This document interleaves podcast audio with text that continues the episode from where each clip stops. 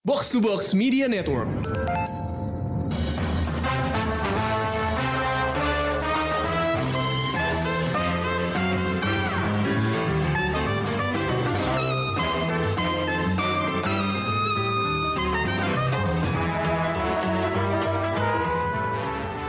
Halo pendengar Showbox, balik lagi di sebuah episode review yang kali ini bakal ngebahas sebuah serial Jepang.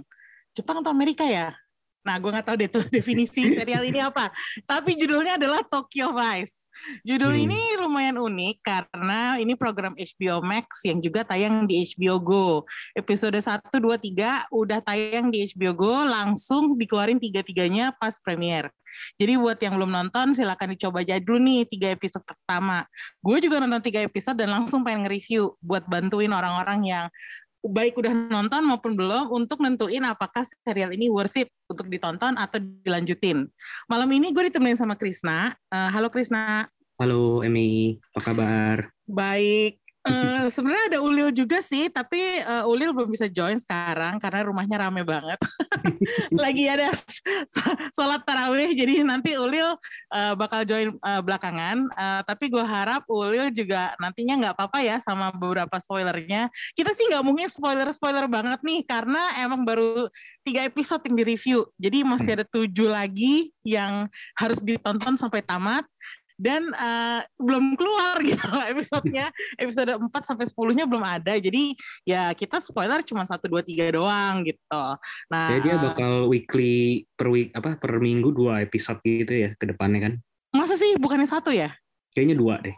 oh oke oke berarti cepet nih ya kayaknya ya Empat. Mm-mm. Eh, jadi kalau misalnya ada yang mau nonton itu eh, berarti kalau join sekarang nih pers- eh, perfect banget karena besok tayang episode 4 sama 5 kayaknya ya Mm. Um, jadi eh, kalau ada yang mau tahu ceritanya, cerita lengkapnya maksud gue jangan mengandalkan showbox karena kita sendiri juga belum tahu gitu loh. Selesai. ya harus ditonton sendiri gitu. Eh, dan balik lagi ke keunikannya serial ini adalah gue pertama kali ngeliat itu udah terpesona sama cast Jepangnya yang wow kelas film A banget gitu. Ada Ken Watanabe, ada Rinko Kikuchi, Hideaki Ito, um, Tomohisa Yamashita, terus ada Shoka Samasu. Pokoknya ya gue ngelihat serial ini tuh karena gue suka nonton film-film Jepang ya. eh, be- beberapa yang gue tonton tuh penuh dengan nama-nama ini. Kan ini nama-nama yang biasanya tampil di film-film Jepang yang terkenal gitu. Bahkan udah masuk Hollywood juga Mm. gitu. Dan udah gitu di sini juga ada Ansel Elgort sebagai orang Amerika yang bahasa Jepangnya kok bagus banget ya. Gue sampai hah? Ini dia? Kayak ini dia latihannya gimana ya? Terus gue sempat Lumayan fasih ya. iya fasih banget kalau menurut gue. Gue bahkan nggak bisa selancar itu gitu selain karena gue belajar bahasa Jepangnya juga udah lama Hmm. dan udah banyak lupa-lupa gue kayaknya pronunciation gue intonasinya tuh kayak dia tuh kok bisa banget gitu Tapi dia, gue tadi sempat baca dia emang baru belajar untuk proyek ini. Dia sebelumnya sama sekali nggak bisa ngomong Jepang. Wow, itu amazing banget sih kalau menurut gue. Karena eh, jujur aja ya, setelah menonton trailernya pertama kali, gue rada meremehkan sejujurnya. Karena menurut gue, kok neon lagi, neon lagi ya. Kayak apa sih? Kayak ini tuh visual Hollywood banget untuk kultur Jepang gitu. Kayaknya Iya. nggak ada nggak ada yang lain lagi untuk ditampilkan selain neon. Gue nggak gue nggak ngerti kenapa Di gitu. trailernya ya. Iya di trailernya tuh kayak Hmm. neon banget kan. Terus Mm-mm. udah gitu yang menyutradari episode pertamanya adalah Michael Mann. Eh, sutradara ini gue nggak gitu cocok sama gaya dia. Berkali-kali. Ya. Gak cuma itu aja sih, kayak waktu dia ngarahin film Johnny Depp sama Christian Bale tuh. Eh, Public En eh Public Enemy ya. Iya betul. Itu kayak gue nggak bisa masuk ke ceritanya karena dia tuh terlalu mentingin apa ya, semacam gaya dia, gaya visual dia sendiri gitu. Iya, Jadi kayak gue Miami Vice sama Collateral tuh kan juga agak agak sama ya style apa secara visual. iya ya. iya. Kan? Dan gue nggak cocok gitu loh. Mhm. Jadi gue agak meremehkan episode pertama, tapi begitu gue tonton, gue langsung kayak, oh beda nih gitu. ternyata lumayan ya. Ah, nah sekarang jadi gue pengen tahu nih eh, pendapat lo, Chris. Mhm. Ekspektasi lo pada awalnya ketika dengar ada proyek Tokyo Vice, yang showrunner dan kreatornya adalah orang Amerika. Amerika. Jajasan apa eh, jajaran eksekutif produser sama produser yang terlibat pun orang Hollywood. Iya. Dan sutradara yang diajak adalah Michael Mann. Itu apa yang ada di pikiran lo? Ekspektasi awal dari dari trailer lah ya gitu kan. Hmm. Kita skeptis sih. ya kita tahu sendiri lah kan eh, gimana filmmaker barat tuh kalau apa ya ngambil setting bukan cuma Jepang tapi kayaknya negara Asia terutama Hmm, negara hmm. Asia tuh kalau dari kacamata mereka tuh kan kadang apa ya eh, kayak basic banget stereotype banget kayak surface banget kan ininya eh, Hmm. kultur yang berusaha mereka angkat gitu yang Hmm. kadang malah sebenarnya jadinya nggak akurat juga gitu apalagi Ah. terakhir gue masih ingat gue lumayan trauma nonton Kate eh, di Netflix tuh yang Ah. The Twin State itu kan eh, apa ya lumayan stereotype Jepang banget yang eh, neon berlebih terus ada ada elemen-elemen apa kayak maid cafe lah otaku lah kawaii kawaii culture kayak gitu-gitu kan Hmm. sampai sampai ada adegan kayak pertunjukan kabuki di markas yakuza tuh ngapain gitu kan kayaknya kayaknya aslinya nggak gitu-gitu amat juga gitu ya sempat sempat ada inilah sempat ada eh, keraguan kayak gitulah Hmm. tapi ya memang setelah nonton episode pertama ya ternyata eh, keraguan gue itu nggak terbukti sih Hmm. at least secara tampilan ya Oh, oke. Eh, dari tiga episode pertama Tokyo Vice yang udah lo tonton, Hmm. eh, jadi hasilnya di luar ekspektasi. Di, di atas atau di bawah atau sesuai atau Di- gimana? sedikit di atas karena barnya rendah juga sih Oh, baru rendah. Jadi di atas ya. jadi di atas ternyata Apa yang membuat lo merasa ini lebih baik dari ekspektasi lo gitu? Eh, pertama ya karena gue pikir akan sangat stereotype gitu ya maksudnya Hmm. ya hal-hal yang tadi gue bilang lah Hmm. tapi ternyata eh, neon berlebih itu nggak ada Hmm. kalau emang kalau emang ada style-style kayak eh, apa sih sign-sign yang warna-warni itu emang Hmm. karena emang dia settingnya dia banyak di Shinjuku kan Hmm. karena emang emang ceritanya ngebahas Yakuza juga ya emang operasinya banyak di sana jadi ya Hmm. otomatis kayak gitu jadi at least secara style gua nggak nggak terganggu gitu Hmm. Dengan dengan dengan Tokyo Vice ini dan ternyata juga mungkin karena ini diangkat dari apa ya memoir dari si karakter karakter Elgort di sini kan emang karakter nyata kan Iya si Jake Edelstein itu. Nah. Iya dia emang emang emang reporter pertama yang apa reporter asing pertama yang kerja di salah satu koran terbesar Jepang gitu kan. Iya. Jadi, Uh, by the way, uh, sekedar info uh, di sini nama korannya beda ya sama di Iya, real life. Kalau di real life kan Yomiuri kan, Yomiuri Ya. Shimbun yang emang Ya. gede banget gitu. Tapi kalau di serial ini dinamai Meicho gitu. Ya tapi di sini mereka juga bilang kalau ini salah satu koran terbesar bahkan di dunia gitu kan. Hmm, hmm. Mm, Nah, jadi ya mungkin karena dasarnya udah kayak gitu, jadi mungkin ada banyak hal-hal yang gua rasa cukup akurat kali ya. Kayak Hmm. ya, uh, kayak dan dan gimana mereka nunjukin dunia yakuzanya gitu di era era di sini eranya berapa ya? 2000 99 2000 ya kalau nggak Iya. salah. gitu. Uh, Itu kan periode yang emang Yakuza masih cukup powerful gitu kan. Hmm, hmm. Nah, itu lumayan intrik-intriknya lumayan menarik sih gimana Hmm. hubungannya dengan polisi juga dengan wartawan segala macam tuh ternyata cukup menarik sih. Episode Hmm. satunya sih menurut gue cukup cukup oke. Ya, gue setuju sama lo karena bisa dibilang plotnya itu kayak kena gitu di gue. Iya. bahwa eh, ini ada orang Amerika eh, apa datang ke Jepang buat eh, belajar jadi jurnalis gitu. Eh, gue eh, agak-agak apa ya? Gue Hmm. seneng dengan pembukaannya di mana mereka masuk ke eh, apa yang udah terjadi di masa depan, terus mereka flashback gitu. Iya. Tapi nggak di nggak dikasih tanda flashback gitu kan? kayak gue paling sebel tuh kalau serial-serial tuh menaruh tanda flashback gitu. Kesannya kayak kita penonton tuh nggak bisa paham bahwa itu sedang terjadi flashback. Eh, Harus dikasih tahu banget Iya, gitu. ya. dan ini tuh serialnya untuk aja nggak melakukan hal itu.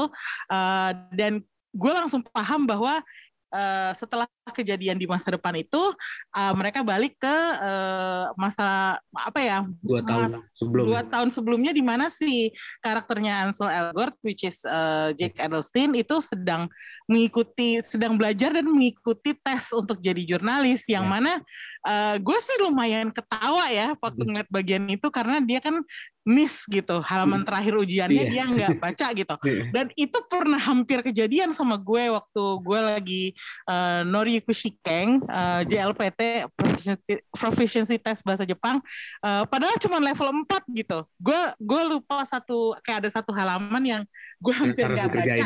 Nah, terus gue ngadarnya tuh kayak 15 menit sebelum waktu habis gitu. Dan gue kayak hah sama Oh, iya. Di- terus iya itu jadi kayak gue ke- eh, kena karena relate relate sama adegannya gitu. Dan apa namanya begitu akhirnya dia masuk berhasil masuk ke koran Micho eh, Hmm. dia pakai diwawancara lagi kayak ditanyain nih kenapa Iya. nih? Gitu. Dan dan, Kenapa lu- dan wawancara kerjanya itu kalau mungkin lu pernah lihat di film-film atau dorama Jepang itu kan emang kayak gitu kan. Mm, interviewnya kayak lu duduk terus di depan lu berjejer sama bos-bosnya dengan bos-bosnya dengan muka kaku aduh. dan pertanyaan yang cukup cukup kaku dan menyeramkan juga kan. Eh, dan kenyataan bahwa dia seorang asing seorang Amerika udah Hmm. pasti dia tuh diremehin dan diolok-olok gitu loh iya Jadi eh, ada unsur apa ya culture shocknya juga yang bukan dari bukan cuma dari sisinya Jake tapi dari sisi orang-orang Jepang yang ngadepin dia gitu kayak Iya. waktu dia mau ngedaftar tes kan di, si eh, yang penerima tamunya itu kan Ah. berbilang kan ini tes bahasa bahasa Jepang. Jepang. loh iya gitu dia, dia bilang wakarimashita gitu. Ya iya dia, dia, dia udah tahu itu tes dalam bahasa Jepang. Makanya gue berani ngedaftar gitu kan. Tapi ya bagian-bagian itunya menurut gue eh, lucu aja sih. Iya. Dan langsung kena ke gue yang gue sendiri pernah ngalamin hal-hal seperti Yang itu gitu ya. gitu. Heeh, Ya. Jadi itu itu kalau menurut gue sesuatu yang jarang ya gue temuin di produ- sama ini juga sih Hollywood akan Jepang gitu. Iya, yang bersetting Jepang ya. Sama Hmm. gue juga suka sih kan di awal, di awal-awal banget, di menit-menit awal banget, sebelum menuju ke tes itu kan kita ditunjukin banget kan gimana karakter si Jack ini juga belajarnya keras banget kan dia untuk Hmm, untuk untuk apa persiapan tes ini kan. hmm, Dia beneran memperdalam bahasa Jepangnya dan apa mempelajari kondisi ekonomi Jepang juga kan kalau kita kita Hmm. lihat dari salah satu sampul buku yang dia baca. Jadi kayak kayak apa ya? Kan biasanya kalau di produksi-produksi Amerika di Jepang kan kayak tiba-tiba aja gitu ada white orang kulit putih seenaknya bisa Oh iya. kerjaan atau apa Iya. gitu kan kalau di sini kita bisa lihat gimana kerja kerasnya si si Jack kan untuk untuk mendapatkan pekerjaan itu gitu dikasih lihat prosesnya gitu ya. prosesnya Jadi, walaupun sedikit jadi- tapi heeh, kita bisa tapi tahu lah paham, heeh, benar-benar. benar. Mm. dan akhirnya jadi efeknya eh, kalau menurut gue ya sebagai eh, dia satu-satunya orang kulit putih yang kita lihat di episode pertama gitu Iya. eh, gue merasa kayak dia akhirnya mudah apa ya mudah disukai atau lebih bisa diterima daripada film-film Iya. kayak Les Samurai gitu dan dan dan dia ba- dia banyak berdialog dalam bahasa Jepang kan iya itu dia maksa juga. dalam bahasa Inggris kayak tiba-tiba banyak orang Jepang bisa bahasa Inggris itu kan aneh Hmm. juga gitu kan Hmm. nah di sini kan dia hanya dengan beberapa orang dia bisa ngomong dalam bahasa Inggris kan Iya, itu lagi. Menurut gue eh, ini ya kalau kita ngomongin Ansel Elgort, kalau gue menilai ini salah satu peran dia yang paling mature dan paling serius. Gue nggak, gue Oke. nggak bilang dia tuh pernah main film kayak untuk eh, level dewasa lainnya. Cuman kayak menurut gue ini tuh serius banget gitu. Persiap, tantangannya kali ya ah, persiapannya dia kan juga iya betul. mateng banget gitu. Dan gua rasa dia di sini tuh nggak sekedar datang untuk acting dia pakai belajar dulu loh. Jadi gue lumayan mengapresiasi apa ya eh, penampilan Usahanya. dia di sini. Ha, dan usaha dia Dan kelihatan dia kan kelihatan juga banget gitu punya peran sebagai eksekutif produser juga kan ya kalau nggak salah hmm iya iya Dan jadi kayaknya kalau di sini tuh gue bisa menganggap ini tuh proyek pertama dia yang beneran dia tuh involved banget Eh, prosesnya ter, terbaca di layar meskipun gue baru tahu kalau dia baru belajar bahasa Jepang. Cuman kayak usahanya tuh kelihatan banget dari cara dia ngomong dalam bahasa Jepang gitu. iya Kalau menurut lo penilaian lo terhadap penampilan Ansel Elgort di Tokyo Vice itu gimana? Eh, baru tiga episode sih ya jadi Hmm. kayak menurut gua gua jujur sih sebenarnya sama si karakter Jack-nya ini sendiri belum terlalu hook gitu ya maksudnya Hmm. karena karena gue belum belum belum nemu gitu sebenarnya motivasi dia itu apa kenapa dia sangat sangat apa sangat determinasinya tinggi banget untuk apa ya kayak membuat tulisan tentang yakuza kan Hmm. di mana itu kan levelnya membahayakan nyawa dia sendiri gitu Iya. ngebongkar masa apalagi dia sebagai orang asing gitu. Nah itu gue belum belum ya baru tiga episode kalian mungkin akan di diinin. Kenapa dia segitu itu? Jadi eh, ya gue belum terlalu hook sih sama karakternya. Tapi secara penampilan dia sendiri dalam membawakan Jack, gue sih suka sih karena ya itu kayak tadi gue bilang eh, terlihat usaha dia sebagai jurnalis tuh keras banget gitu kan dia ngejar-ngejar polisi apa ngejar-ngejar narasumber gitu kan dan dia dan dan gue juga suka sih dia di sini tampilannya juga beneran kayak uh, reporter Jepang karena harus pakai das iya iya iya. gitu kan. Iya iya. Salaryman kayak ala salaryman gitu kan. Terus dengan apa? Di tangannya pakai penanda kalau dia reporter tuh kan pakai iya yang gitu di, di lengannya itu kan hmm. nah gue suka yeah. sih jadi kayak ya dia jadi lebih blend ke ke ke setting Jepangnya gitu kan. Iya iya. Dan nggak cuman kayak white savior datang nah, iya, betul, hero betul. gitu kan oh, iya iya ya ini sih, lumayan menyegarkan ya dan dan ini kan apa tapi di sisi lain juga kelihatan dia juga masih mau kompromi dengan lingkungan kerjanya kan hmm, terutama iya. sama bosnya yang teriak-teriak manggil dia Keijin itu, padahal Keijin hmm. itu kan kasar kan? Ah iya iya. Itu sebutan untuk orang asing yang cukup kasar sebenarnya kan kalau di Jepang, tapi dia masih masih apa ya? Masih nurut kan? Hmm. Walaupun dia bilang itu kayak rasis nasionalis gitu. gue seneng adegan pas dia ditegur sama tokohnya Rinko Kikuchi karena oh, iya. manggil pakai nama depan. Oh, iya, dia iya, bilang iya. lo tuh lo tuh masih terlalu muda, kayak 100 tahun masih terlalu muda buat manggil gue pakai nama depan gitu. Hmm. Sebagai atasan lo dan sebagai senpai, lo Hmm. harus manggil gue pakai nama belakang Nama gitu. belakang. Dan dia kayak nang, ah, kayak nunduk-nunduk aja gitu. Maksudnya kayak iya gue terima. Dia, salah, dia eh, tahu dia salah. Iya gitu. Jadi apa adegan itu lumayan bagus sih. Terus adegan yang dia dimarah-marahin sama si supervisornya yang gaijin-gaijin itu, Hmm. kalau menurut gue tuh juga maksud gue kalau di film-film lain mungkin yang orang kulit putihnya bakal kayak nyerang balik gitu kan Iya, kayak apa terus langsung uh, kayak langsung berantem atau gimana berantem, gitu. langsung dia- bawa-bawa budaya baratnya yang kan. tapi- terus dia malah nunduk-nunduk terus disuruh ngerjain clipping Hmm. mau aja gitu. Terus ngedumelnya nanti sama temen-temennya kan. Iya, temen-temen yang dua orang itu kan. Iya, tapi sama temennya doang gitu kan. itu temen-temennya juga menyenangkan sih kayak apa eh, Si- kayak apa sih yang itu Si Tintin dan tren trendy. Banget Chris dan Tintin.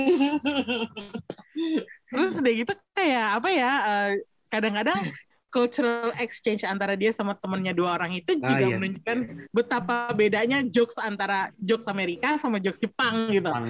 Jadi kayak di sini tuh banyak semacam culture exchange yang menurut gue nggak terlalu in your face gitu, tapi Iya. lebih subtle di di bawah permukaan dikit gitu. Jadi nggak ngeselin gitu kan.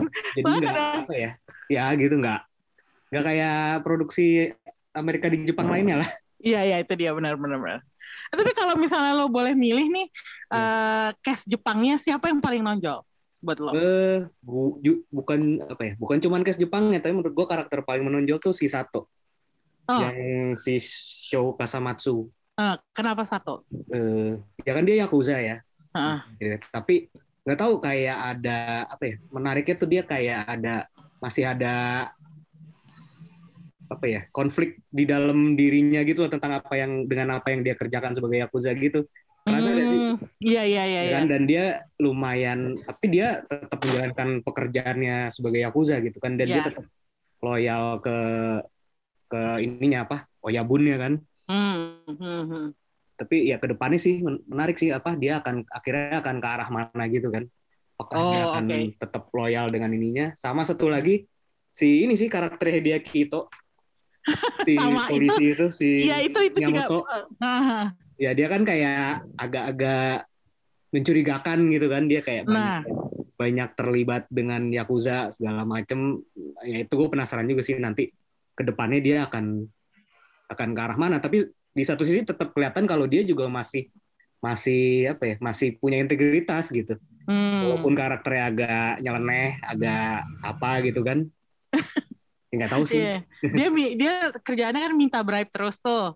Terus Iya. kalau misalnya di kalau nggak dikasih bribe dia nggak mau kasih tahu. Terus Mm-mm. dia bilang ke Jake Adelstein bahwa kalau mau tahu sesuatu lo harus ada bayarannya, nggak bisa Iya. gratis gitu kan. Mm-mm. Uh, kalau menurut gue di situ gue merasa dia either akan jadi musuhnya si Jake Mm. atau berakhir sebagai kawan kawan baiknya Jake gitu. Iya. Jadi gue merasa kayak dia tuh masih ada semacam apa ya kan di sini polisi tuh digambarin secara khusus gitu, yang mana Iya. nanti kita akan ngomongin lebih lanjut. Iya, gitu. Cuman kalau menurut gue eh, dia si Jake sama kalau eh, Jake sama si siapa kata Giri ya si Ken Watanabe itu udah jelas eh, hierarkinya udah jelas gitu Iya. bahwa ini adalah semacam mentor figurnya bagi Jake gitu. Tapi Bahkan kalau mungkin sama bisa jadi father figure juga kali ke depannya ya. Iya, tapi kalau menurut gua sama Hideaki itu tuh kayak mereka tuh masih lebih seimbang gitu. Iya. Kayak dikerjain balik juga kan? Iya dikerjain balik gitu dan dan si eh, Jake-nya membuktikan bahwa dia tuh bukan bukannya bisa dibully, dia Hmm. cuman pengen lihat-lihat dulu nih lagi baca karakternya si siapa namanya si Hidaki itu, jadi Miyamoto. Miyamoto. Ha, Hmm. Jadi gue merasa kayak ke depannya mereka either bisa jadi lawan atau kawan. Tapi menurut gue yang lo bilang itu bahwa eh, Sato eh, akan menarik juga itu gue setuju sih karena ada adegan di mana eh, Jake sama Sato sempat berinteraksi kan di Iya. bar Onyx itu. Mm-mm. Um, dan sepertinya mereka agak-agak ada indikasi love triangle sama hostess yang ada di situ Iya, gitu. si Samantha itu ya. Ah, si Samantha. Terus jadi gue mikir kayak eh, iya ya ini yang gue tertariknya adalah eh, hubungan tokoh-tokoh ini nantinya ke depannya sama Jake tuh gimana gitu. Hmm. Karena Jake tuh udah kuat. Nah, karakter-karakter Jepangnya itu mana yang bisa ngimbangin dia gitu. Jadi gue tertarik sama ya eh, Miyamoto ya sekarang juga gue tertarik sama Sato karena lo Hmm. bilang tadi itu gitu. Sama yang ini juga menarik sih si siapa karakter Rinko Kikuchi. Mm-mm. Karena ternyata kan dia maksudnya eh, dia kayak masih ngerasakan diskriminasi gender kan di kantornya kan. Hmm, hmm. Eh, terus ternyata di rumahnya pun dia suaminya sangat patriarki kan. Hmm. Ada kan adegan dia di lagi nyiapin makan malam gitu kan.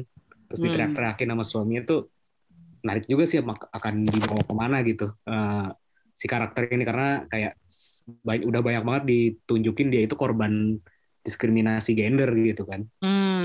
Dan itu di highlight sama tokonya Jack ya. Ya waktu mereka sama-sama ke bar terus dia Iya. nanya, emangnya si Maruyama bakal nuangin minum semalaman? Dan itu kan menurut Jack itu nggak adil gitu Hmm. loh. Kayak apa namanya? Ya harusnya nggak gitu. Nah, gitu. gitu Cuma dia jabatannya lumayan tinggi juga sebenarnya kan. Iya, dan ini gue nggak ngerti kultur semacam ini masih ada di lingkungan kerja Jepang Oh. atau enggak? Gimana sih? Kayak Kalau kayaknya sih mungkin itu masih terjadi di lingkungan kerja yang perusahaan-perusahaan lama gitu loh. hmm, Yang kulturnya masih ya ya kalau ini berdasarkan yang pernah gua baca aja kali ya. Kayak itu masih terjadi sih di perusahaan-perusahaan yang lama gitu. Tapi kalau perusahaan yang agak lebih modern sih terutama kalau di Tokyo ya kayak udah lebih udah lebih nggak udah nggak ada sih kayak gitu kayaknya. Udah, atau paling minimal udah udah sangat sedikit lah. Hmm, iya sih.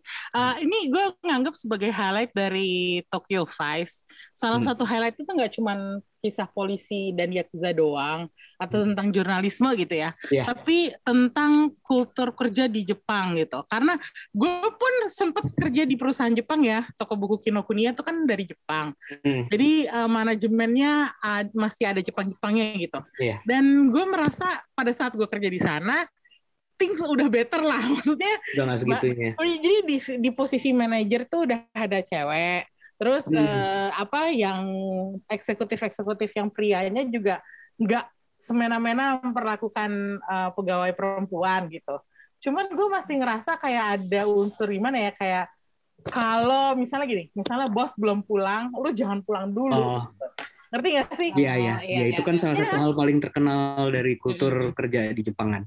Iya, dan maksud gue, kalaupun apa ya, kalaupun lo melakukan kesalahan, ya lo harus apa ya kayak kalau lo ditegur sama bos lo ya lo terima aja. Hmm, Senioritas terima aja. gitu ya. Eh, Senioritas. Eh, hierarki, hierarki Hmm, juga kan. Iya, iya. Dan eh, untungnya, untungnya waktu gue di Kinokuniya, pengalaman gue nggak separah itu gitu. Jadi eh, kebetulan Kinokuniya di Indonesia tuh kan sistemnya franchise. Mm-mm. Jadi bos-bos Jepangnya semua di Singapura. Jadi kita sehari-hari tuh kayak ya Ah, udah caur aja. iya. maksudnya kayak mau mau berisik pas kerja ya boleh lah maksudnya Hmm. asal nggak sampai ngerusakin kantor gitu cuman kayak kalau menurut gue waktu gue training ke Singapura itu suasananya beda. Karena gue langsung ketemu bos-bos Jepang. Lebih kaku.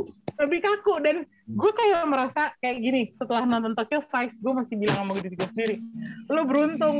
Lo beruntung masih dapat bos Jepang yang di Singapura gitu. Bukan bos Jepang yang di Jepang gitu. Hmm. karena kalau gue dapet bos Jepang yang di Jepang gue rasa gue gak akan survive sih. Hmm. kayak gue dikasih tahu kalau ada kunjungan dari Kinokuniya Jepang ke Singapura aja em, jangankan ke Indonesia di, di Singapura aja mereka harus latihan cara menyambut eh, bos dari Jepang Nah, kayak harus berdiri dalam formasi yang seperti ini, mengangguk segini derajat gitu loh. Kayak Gila, gue, gila. ya ya gue ya. dengernya tuh kayak, ah serius loh gitu.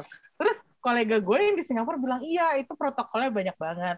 Tapi emang itu kan kultur Jepang, adat Jepang, Mm-mm. tradisi Jepang. Jadi kita harus menghormati gitu. Ya gue paham sih, gue paham. Mm-mm. Tapi gue sendiri setelah balik ke Indonesia, gue gue cerita ini kan ke teman-teman gue. Yang senior senior pada bilang, iya dulu kita juga pernah gitu waktu se- seorang dari Jepang tuh datang gitu.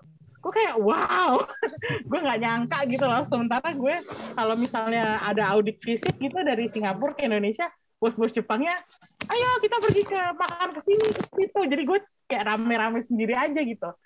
Jadi gue merasa beruntung banget sih gue kerja di Jepang, maaf ya, yang kerja di Jepang. Cuman kayak gue, gue rasa gue gak akan bisa sih terkekang Ya, itu- seperti itu gitu. eh ya berdasar apa kalau yang gue dengar juga ada adalah beberapa temen gue dan temen istri gue gitu kan. Itu ada yang beberapa yang kerja di Jepang sekarang gitu. Hmm. tapi dia ada di mereka tuh di industri yang lebih baru gitu ya industri kreatif lah gitu. Oh, di perusahaannya pun lebih modern nggak sekaku itu. Ya kondisinya jauh lebih udah jauh lebih kondusif ya maksudnya kayak diskriminasi ke pekerja asing atau diskriminasi ke apa diskriminasi gender gitu-gitu tuh udah lebih baik lah kondisinya dibanding seperti yang kita lihat di di film ini gitu eh di Hmm. serial ini sorry ini kan serial ini juga masih tahun 2000 2000 awal ya Hmm. jadi kondisinya Maksudnya mungkin- timeline-nya, timeline-nya ya. ya, timelinenya jadi kayak mungkin situasinya sudah sudah lebih baik semua yang nggak tahu juga sih ya Kalau menurut lo highlight lain dari film ini yang di luar eh, polisi atau jurnalisme atau yakuzanya atau gimana? Atau mungkin lo ada observasi sendiri tentang se- Eh, satu aspek dari serial ini, Chris? eh, menarik sih soal soal ini ya soal apa kinerja polisinya sih menurut gue karena Oh. karakternya juga beberapa karakter pentingnya juga kan memang polisi ya Hmm. Eh, menarik karena biasanya di film atau eh, dorama Jepang gitu ya eh, beda sama yang gue lihat di serial-serial Korea gitu atau Hmm. film Korea. Biasanya eh, polisi Jepang itu nggak ditampilkan nggak kompeten. Oh, iya, iya, iya. Biasanya di- terlihat apa ditampilkan cukup kompeten, tapi kadang korup. Kalau Hmm. korup lumayan, tapi itu biasanya juga berhubungannya sama yakuza. Hmm. Jadi jadi kayak eh, di, di Jadi pegangannya aja gitu nggak sih? Iya, jadi kayak periode itu kan undang-undang anti yakuza tuh belum diberlakukan kan di, di Hmm. Iya, iya, iya. di Jepang gitu kan. Nah, jadi kayak udah rahasia umum kalau polisi itu memang kompromi sama Yakuza demi menjaga ketertiban dan keamanan. Hmm. Ya kan ada juga di sini kan sempat dibahas kan Iya, iya. si Ken Watanabe karakter Ken Watanabe kan sempat ngomong kayak Hmm. kayak demi menjaga ini jadi kayak kayak ya udah eh, saling tutup mata daerah operasi lo di situ jangan ganggu sipil eh, ya udah gitu dan lu Hmm. jangan perang jangan ribut jangan sampai ada collateral damage istilahnya dari dari dari ini semua ya udah gitu Hmm. kita sama-sama tahu nah itu yang kayaknya juga berusaha di, di diliatin di sini sih kayak Hmm. bahkan mereka kayak punya tawar seimbang gitu kan Hmm. ada pas betul. yang ada kejadian penembakan di salah satu klub kan Hmm. terus kan markas Yakuza didatengin kan Hmm. yang yang diduga sebagai pelaku terus kayak Yakuza ya udah nih tangkap tiga orang ini pelakunya gitu kan terus polisi Hmm. akhirnya bawa itu keluar ya udah nggak ada kekacauan nggak ada apa gitu kan tapi ya padahal tapi kita tahu sebenarnya yang terlibat lebih ini lagi kan lebih Hmm. lebih di atasnya lagi gitu cuman ya polisi udah sampai situ aja Yakuza juga ngorbanin tiga anggotanya udah gitu Tiga anggota yang kelas rendah pas biasanya. rendah lah gitu kan yang kayak kayak anggota ini juga udah tahu mereka akan digituin gitu Hmm. kayak toh mereka juga nggak akan dihukum lama kan kayak gitu paling di penjara berapa tahun mereka balik ya udah join lagi gitu kan Hmm. itu kan sering sering sering ditunjukin juga di film-film Yakuza Jepang kan ada ada Hmm. ada kayak gitu gitu nah itu menarik sih ditunjukin di sini. Iya. Kalau- polisi kalau Yakuza. Kalau gue merasa ini penting sih uh, hubungan antara yakuza dan polisi karena uh, di banyak di beberapa film lain, terutama yang Hollywood uh, produksi ya, uh, itu yakuza tuh kayak digambarinnya cuma tatoan doang. ya surface sih? banget gitu ya. Iya, iya, serius iya benar-benar. Iya kan, maksudnya iya. orang Tatonya yang- banyak banget. iya, terus udah gitu kayak apa namanya kerjaannya main di tempat judi gitu. Hmm. Padahal Iya. padahal nggak cuma tempat judi aja kan, kayak Iya. tempat pachinko tuh juga kadang-kadang bisa Sebenarnya jadi justru bisnis utama mereka itu kan ini rentenir. Iya. Eh, apa namanya? Pinjaman uang gitu. Eh, pinjaman apa ya istilahnya? Ya loan sharking lah ya. Nah, rentenir. Jadi ya emang sebenarnya kayak lebih dalam daripada apa yang sering ditunjukin di film-film produksi Hollywood tentang yakuza gitu. Dan eh, harus kayak apa ya di sini tuh kayak kerasa banget di sini eh, praktek yakuza di Jepang gitu. Ngerti gak sih? Kayak Iya. bukan praktek yakuza di luar Jepang gitu. Kadang soalnya gue merasa kayak ada beda semacam beda eh, tekstur gitu ya Hmm. eh, antara praktek yakuza di eh, Jepang sama di luar Jepang. Sama kayak kalau gue ngelihat praktek ya praktek mafia di Itali sama di luar Itali itu Hmm. kulturnya eh, sedikit beda sih kalau menurut gue karena nggak semua Oh. karena nggak semua mafioso nggak semua keluarga mafia itu sama bahkan di Italia Iya, aja iya, iya. itu ada beberapa jenisnya gitu. Jadi kayak kadang-kadang tuh film Hollywood tuh suka menyamaratakan gitu loh. Itu Hmm. yang gue kadang-kadang Hmm. suka kesel gitu sama film-film produksi Hollywood kayak demi cerita lo menggampangkan atau menyamaratakan semuanya gitu. Sementara Ya, di Tokyo ya. Tokyo Vice ini masih ada apa ya usaha untuk balik lagi mungkin karena dasar ceritanya tuh dari si memoirnya si si Hmm. Rick Edelstein yang emang bertahun-tahun jadi wartawan di sana kan jadi hmm, ya mungkin bisa dianggap lebih apa lebih akurat lah dibanding yang lain hmm, oke. Nah, ini sekarang udah tiga episode. Eh, gimana judgement lo, Chris? Bakal lanjutin nonton atau enggak? Apalagi Hmm. yang bisa lo harapin untuk ditampilkan di Tokyo Vice gitu? Iya kayaknya sih gue bakal tetap lanjut sih karena ternyata walaupun eh, di episode 1 cukup powerful ya Hmm. episode 2 episode 3 sih gue sebenarnya agak turun menurut gue karena banyak apa ya kayak kayak kayak soal si Samantha itu gue masih nggak ngerti sih perannya Betul. untuk apa Jadi kayak langsung ketegangannya agak terurai dikit gitu ya. ah, ah, gitu agak agak fokusnya agak sedikit terpecah gitu Hmm. oke lah dia emang emang ceritanya kan dia hostess di klub salah satu klub yang apa under yakuza gitu kan Hmm. tapi kayak nggak tahu gue masih merasa agak agak dipaksakan gitu loh ada ada white female jadi hostess dan dia Hmm. jadi dan hostess yang cukup ini istilahnya kan cukup menghasilkan gitu kan Hmm. klub itu gitu dan kayak eh, ya itu kayak gue sih nggak terlalu berharap ada love triangle antara Sato dia dan Jake ya kayak Hmm. nggak nggak penting lah gitu tapi di luar itu sih gue cukup antusias dengan ini dibawa ke mana nih cerita si Yakuza ini gitu Eh, Hmm. dan dan ada satu karakter ini kan yang belum muncul karakter si Yamapi Oh ya, Akira ya. bisa Yamashita kan belum belum Ah. muncul tuh gue juga penasaran dia udah disebut sih kalau nggak salah namanya kan Hmm. tapi dia belum muncul jadi ya terus terus ini juga kayak yang tadi gue bilang juga soal hubungan polisi polisi ini dengan yakuza itu bakal dibawa ke arah mana gitu Hmm. Iya, iya, sih kalau lu sendiri gimana Kalau gue sih sebenarnya tadi ada di episode 2 apa 3 kalau nggak salah ya. Mm-mm. Itu tuh ada karakter Yakuza, eh, oh ya bunnya kali ya, yang diperiksa kesehatannya. oh iya Nah, nah, kan dari Tozawa ya Tozawa ya terus udah gitu eh, apa namanya? Sepertinya dia eh, sakit Mm-mm. dan eh, kenyataannya di real life eh, Jake Edelstein pernah mengungkap kasus tentang eh, seorang bos yakuza yang sakit dan menego eh, apa ya bikin deal sama FBI buat pengobatan di Amerika.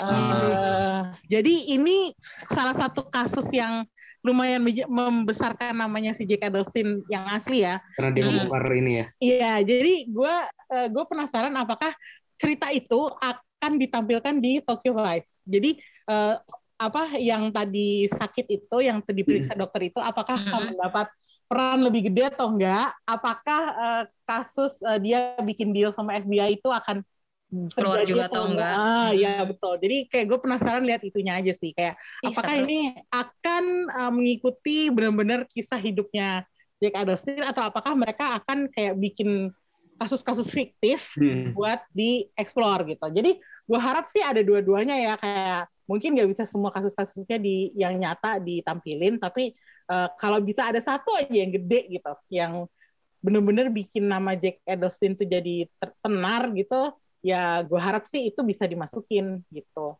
Oke. Eh, sama memang juga gue penasaran dengan karakter Yamapi karena gue udah lama banget nggak ngeliat Yamapi sejak dia kayak tahun kapan gue jadi fansnya Jonis terus tiba-tiba kayak gue lihat hah dia udah gede aja udah gede dan udah eh, peran-perannya udah makin mature gitu kan jadi Hmm. gue penasaran sih sama aktingnya Yamapi gue juga penasaran karena gue pernah beberapa kali nonton doramanya dia. Hmm. Itu karakternya masih gitu-gitu aja. oh Masih masih kaku, ya masih yang cool apa gitu kan dia gede banget dengan ini kan code blue kan. Ah, Oh, ya itu kayak tentang tim emergency tapi khusus Ah. pakai helikopter gitu. Jadi Ah. untuk main kecelakaan-kecelakaan gede itu itu kaku banget di situ gue ngeliatnya sampai sebel. Terlalu cool gitu. Jadi gue harap dia di sini dengan apakah dia stereotype apa enggak gitu ya Chris Iya gitu ya karena dia mungkin itu masih pengaruh dari dia sebagai idol Jonis gitu ya Hmm. masih ke bawah. Tapi gue harap di sini sih dia akhirnya bisa nunjukin kalau dia bisa bisa acting lebih beragam gitu. Hmm. Apalagi kayaknya di sini kan dia dari pihak Yakuza kan. Akira ini. Eh, bukannya dia cuma host ya? Oh dari iya ya dari dari si dari hostess klubnya ya. Hmm. Iya. Tapi nggak tahu juga sih kayak gue gue justru gue ini yang yang bikin gue penasaran gitu. Siapa sih dia karena penjelasan tentang karakternya kurang banyak ya. Iya. Orang- Cuman disebut namanya doang, nggak disebut Ya, siapa. ada bocorannya gitu. Heeh, Jadi heeh. kayak masih menerka-nerka nih apa gitu. Kayak Ulil nggak tahu Yamapi kali ya. Belum belum nyampe gue ilmu gue kak. Yamapi Satu tuh idol. idol, idol Jepang juga, Lil. Tapi Tahun? eh, tahun berapa ya? 2000-an 2000-an awal. sih. awal sih ya. Oh harusnya harusnya sih Belum. tahu ya. Belum setua belum setua Smap kok. Wow. Jadi kalau ada yang penasaran cari aja Yamapi Jonis gitu. Ntar lo lihat aja pakai kostum. Tomo Tomohisa Bulu-bulu. Siapa nama asli? Tomohisa Yamas Yamashita. Yamashita, Yamashita ya. Hmm. Gitu. Tahu Oh ini ih ganteng. Gantengnya. Ih tuh. ganteng. waktu tahun 90-an ai- akhir 2000-an awal doi ngetop banget kayak dari company-nya dia kayak salah satu yang nomor satu Uh. tuh sekarang dia main di HBO wow banget kan Iya sih. iya sih. Ih ganteng. gue gara-gara ganteng. Ih ganteng. Ya nggak apa-apa nggak apa-apa kalau misalnya ada yang ganteng-ganteng kan cukup menyenangkan buat ditonton kan Iya Jadi ya, benar. Kenapa enggak? Tapi seru deh ngobrolin si Tokyo Vice itu gue dari tadi kayak wah iya ya. Oh ternyata Yakuza tuh kayak gitu ternyata. iya kayak apa namanya eh, kita mau ngebantuin orang-orang kayak Ulil juga yang kayak belum pernah tahu sebelumnya oh sekarang dapat bayangan gitu Menariknya Iya, tuh iya, iya. beberapa tahun terakhir itu Mm-mm. kayak tahun lalu lah ada dua film Jepang tentang Yakuza yang cukup gede. Salah satunya ada di Netflix, A Family, satunya lagi Under the Open Sky. Itu dua-duanya malah eh, nunjukin sisi Yaku, apa apa yang terjadi sama Yakuza setelah undang-undang anti. Yakuza itu diberlakukan sama pemerintah Jepang. Hmm. Jadi justru kayak kesian gitu orang-orangnya kayak kayak apa ya undang-undangnya kan kayak melarang keterlibatan Iya. mereka dalam hal apa pun kan. Jadi mereka nyari Mm-mm. kerja susah, apa Susah. susah gitu. Nah belakangan tuh banyak film Yakuza justru yang yang ngangkatnya ke situ udah nggak nggak nggak nggak ngangkat soal dunia undergroundnya lagi, justru lebih lebih manusiawi gitu. Hmm. Tapi di Tokyo Vice ini Yakuzanya berarti udah nggak ada yang se-dark dulu gitu ya? Oh ini masih masih, masih masih ini Oh tapi masih ada. ini sebelum aturan itu keluar. Jadi contohnya ya, Oh. eh, contohnya adalah eh, beberapa adegan di sini patut kayak dapat warning sih kayak pembunuhan. Jadi sebenarnya kasusnya belum belum terpecahkan, cuman ada indikasi bahwa ini terli- ada keterlibatan yakuza di dalamnya. Jadi salah satu kasus yang pertama kali ditonjolkan tuh adalah orang bunuh diri dengan membakar dirinya sendiri karena terlibat hutang gitu. Like dia Ya. membakar dirinya hidup-hidup gitu. Jadi eh, harap kalau nonton Tokyo Vice jadi harus ada sedikit violence warning. Jadi jangan Hmm. nonton bareng anak lu, jangan nonton bareng orang yang masih di bawah 17 tahun gitu. Ratingnya cukup tinggi kan ya? 18 Ratingnya ya? ratingnya 18 sih. Jadi kayak eh, siap-siap juga untuk orang yang mentalnya kurang bagus Iya. buat ngadepin Mhm. violence untuk kayak dapat menerima serial ini tuh hati-hati gitu. Jadi jangan lo sotoy langsung nonton terus udah gitu nggak ada rasa takutnya kan. Gue sendiri lumayan kaget sih sama beberapa Bakarnya lumayan frontal gitu ya. Iya, gila sih kalau menurut gue. Dan karena nontonnya di HBO Go kan, jadi eh, sensornya tuh minim gitu loh. Jadi kayak hampir nggak ada sensor gitu. Jadi kalau misalnya eh, lo nggak siap menghadapi kegelapan semacam itu, ya jangan nonton gitu. Kalau menurut gue sih. Karena ini ini cukup apa ya? Kayak kayak Krisna tadi bilang. eh Yakuzanya itu ditonjolin dengan cukup real gitu dan realistis dengan hubungan dengan polisi, terus eh, gambaran kehidupan yang dilakukan oleh gangster-gangster ini gitu. Jadi kalau menurut gue ini tuh bukan sekedar eksploitasi ya, Chris. Kalau menurut gue ya itu Iya. bukan eksploitasi Hollywood terhadap kultur. Asia gitu. Iya sih. Tapi semacam lebih kayak kalau buat gue ini lebih semacam apa ya fusion lah intinya. Hmm. Uh, jadi kalau menurut gue ya nontonnya harus uh, dengan apa ya awareness gitu bahwa ini tuh bukan sekedar bual-bualannya fiktifnya Hollywood gitu. Ah, Ngerti kan Iya. maksud gue? Hmm. iya iya iya. Tra- sih. Edukasi. Ed, eh, ada edukasi unsur, juga. ada unsur, semi semi edukasi. iya ada unsur itunya juga sih. Karena ya itu kan karena yang yang apa yang sumber ceritanya kan dari seorang jurnalis gitu kan. Jadi Iya. investigasinya apanya segala Dalam macam ya. yang dia tuangkan kan ah ya pastinya cukup dalam kan. Mm-mm. Nah jadinya ya di di diadaptasi di serial ini mungkin ya cukup cukup oke lah. Oh. Tapi ini tiap episodenya berbeda nggak sih? Nah, Enggak nih. nyambung nyambung. Jadi terus. ceritanya nyambung terus ya? Ah, nyambung terus. Setiap minggu Anyway, dikeluarin mm-mm. dua episode. Jadi eh, kalau misalnya eh, nggak mau nunggu lama ya lo Sikat langsung aja ya? sampai episode terakhir baru nonton. Sebentar 10 kok. ya? Iya 10 episode udah gue cek tadi setelah Krisnano bilang seminggu minggu- dua, dua episode. Hah. jadi selesainya tanggal eh, 28 April. Jadi Oh, kalau bulan ini juga ya. Iya masih bulan ini juga. Jadi kalau misalnya nggak mau penasaran atau gimana, episode terakhir 28 April, habis itu lo binge gitu. Karena kita lum- lagi lumayan penasaran dengan ending episode 3 ya. Iya iya. Iya kan lu Betul, ada betul. kejadian yang lumayan wah Bikin- ke mana nih? Ah, Gitu. Iya iya. Abis gue ngeliatin di Instagramnya si Ansel Elgort ya, Hmm, kayak wah menarik juga sih dia cukup cukup cukup banyak gitu loh promonya tentang si Tokyo Vice ini. Terus yang kayaknya dia lagi jadi cosplay orang Jepang ya. Kalau kalau Dia kayak bener-bener berbaur gitu, bener kata Emi yang bener-bener belajar segala-galanya gitu. Iya, kalau menurut gue ini adalah salah satu proyek dia yang paling penting, yang paling eh, sepertinya si aktor ini juga menganggap eh, serius proyek ini kan. Jadi nggak Hmm, sekedar iya. dia nggak cuman sekedar nah, apa aktor tampil nongol gitu nggak nggak cuman itu dia beneran terlibat dalam pembuatannya gitu. Bahkan yang tadi gue baca adalah si Ansel itu ada pengennya dia pengen beberapa adegan tuh di diucapkan semua dalam bahasa Jepang tapi sutradaranya nggak mau kayak Michael Mann bilang eh, apa showrunner gitu yang bilang Hmm. "Ah, nggak bisa kita harus cari balance gitu Ah, Justru- sekali. iya padahal terus udah gitu sih Ken Watanabe lebih oke kayak gitu. Iya Ken Watanabe juga bilang beberapa kalimat dia emang kurang jelas sih ngomonginnya tapi eh, apa namanya kalau bisa kita eh, balance aja jadi sepertinya dari pihak ak- aktor-aktor Jepangnya itu juga pengen show off Inggrisnya juga gitu lah Iya karena yang, yang, Oh. yang aktor Jepang Ya ya. apa aktor Jepang yang bisa bahasa Inggris kan nggak banyak ya, tetapi Hmm, kebetulan yang di sini ini kan kurang ada pengalaman di Hollywood juga Ya. mereka jadi lumayan oke bahasa Inggrisnya. gitu. Jadi eh, sebenarnya kayak Ansel sendiri tuh serius banget tuh kayaknya dia pengen ngegas aja gitu kayak gue pengen tampilin ini se se asli aslinya. Mungkin dia mungkin dia ibu kali ya.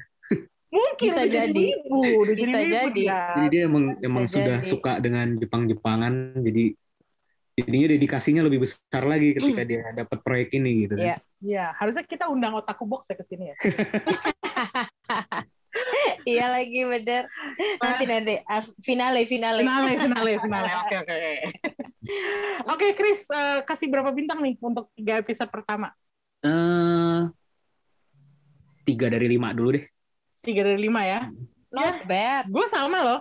Mm. Mungkin tiga setengah eh, dari lima kalau gue karena gue apresiasi dengan effortnya tim Tokyo Vice buat bikin ini seautentik mungkin gitu. Iya. Karena nggak banyak eh, filmmaker atau tim produksi Hollywood yang mau se, se apa ya sedalam ini gitu. Kalau menurut gue Kalau lu- cukup Iya. Dari secara visual juga kalau lihat tone warnanya gitu kan, Hmm. itu lebih kayak film apa produksi Jepang daripada Iya betul betul Hollywood betul kan. betul. Dia nggak banyak main warna ya, jadi Mm-mm. malah ya udah apa adanya aja gitu. Iya kan ya. kan kan Jepang biasanya nggak banyak filter lah gitu bisa dibilang kan. Hmm, Iya. Eh, gaya sinema sinemanya. Nah ini kan lumayan kayak gitulah. mm-mm. Bahkan eh, kalau menurut gue sinema Korea yang seserius apa pun tuh masih pakai apa ya efek atau Iya masih ada yang masih dipolish Classy lah gitu. Ah, tapi kalau Jepang tuh beneran apa adanya gitu, yang seminim mungkin pakai efek. Hmm. Jadi serial ini tuh dapat itunya lah, dapat apa? Warna matahari mereka udah bagus soalnya. Sayang. Iya betul. ya kan kalau lihat Iya foto-foto iya iya, iya, iya, betul. Betul. Hmm. Jadi ya begitulah eh, tiga sampai tiga setengah lah ya. Iya. Eh, Ulil selamat selamat coba untuk menonton. Gimana Lil? Iya, Tertarik mau. Lil? Mau mau. Emang suka kan gue yang bentukannya begini tuh. Iya, polisi-polisi mafia gitu kan. Bunuh-bunuhan mafia suka gue. Terus Kayaknya- ada Mas Ensel. Iya boleh lah, boleh lah, boleh boleh. Oke, eh, sepertinya kita udah harus udahan nih untuk apa namanya pembahasan Tokyo Vice. Eh, mungkin nanti kita ketemu lagi kalau udah finale. Kalau finalenya worth it ya, tapi kalau Iya. finalenya jeblok, Kita, kita lihat dulu ya. Semoga Iya, sih gitu. nggak nggak turun kalau dia nggak turun, kita bisa ketemu lagi. Tapi kalau turun, ya Ya udah. sumimaseng, sumimaseng. Oke, udah ya. Eh, sampai di sini aja. Kita ketemu lagi di review yang lainnya by Showbox. Eh, Krisna, thank udah thanks sudah join gue. Thanks juga Ulil terima kasih eh, bisa akhirnya join ke pembicaraan ini meskipun telat. Aku tarawih dulu. Oke, see you later. Bye guys. Bye.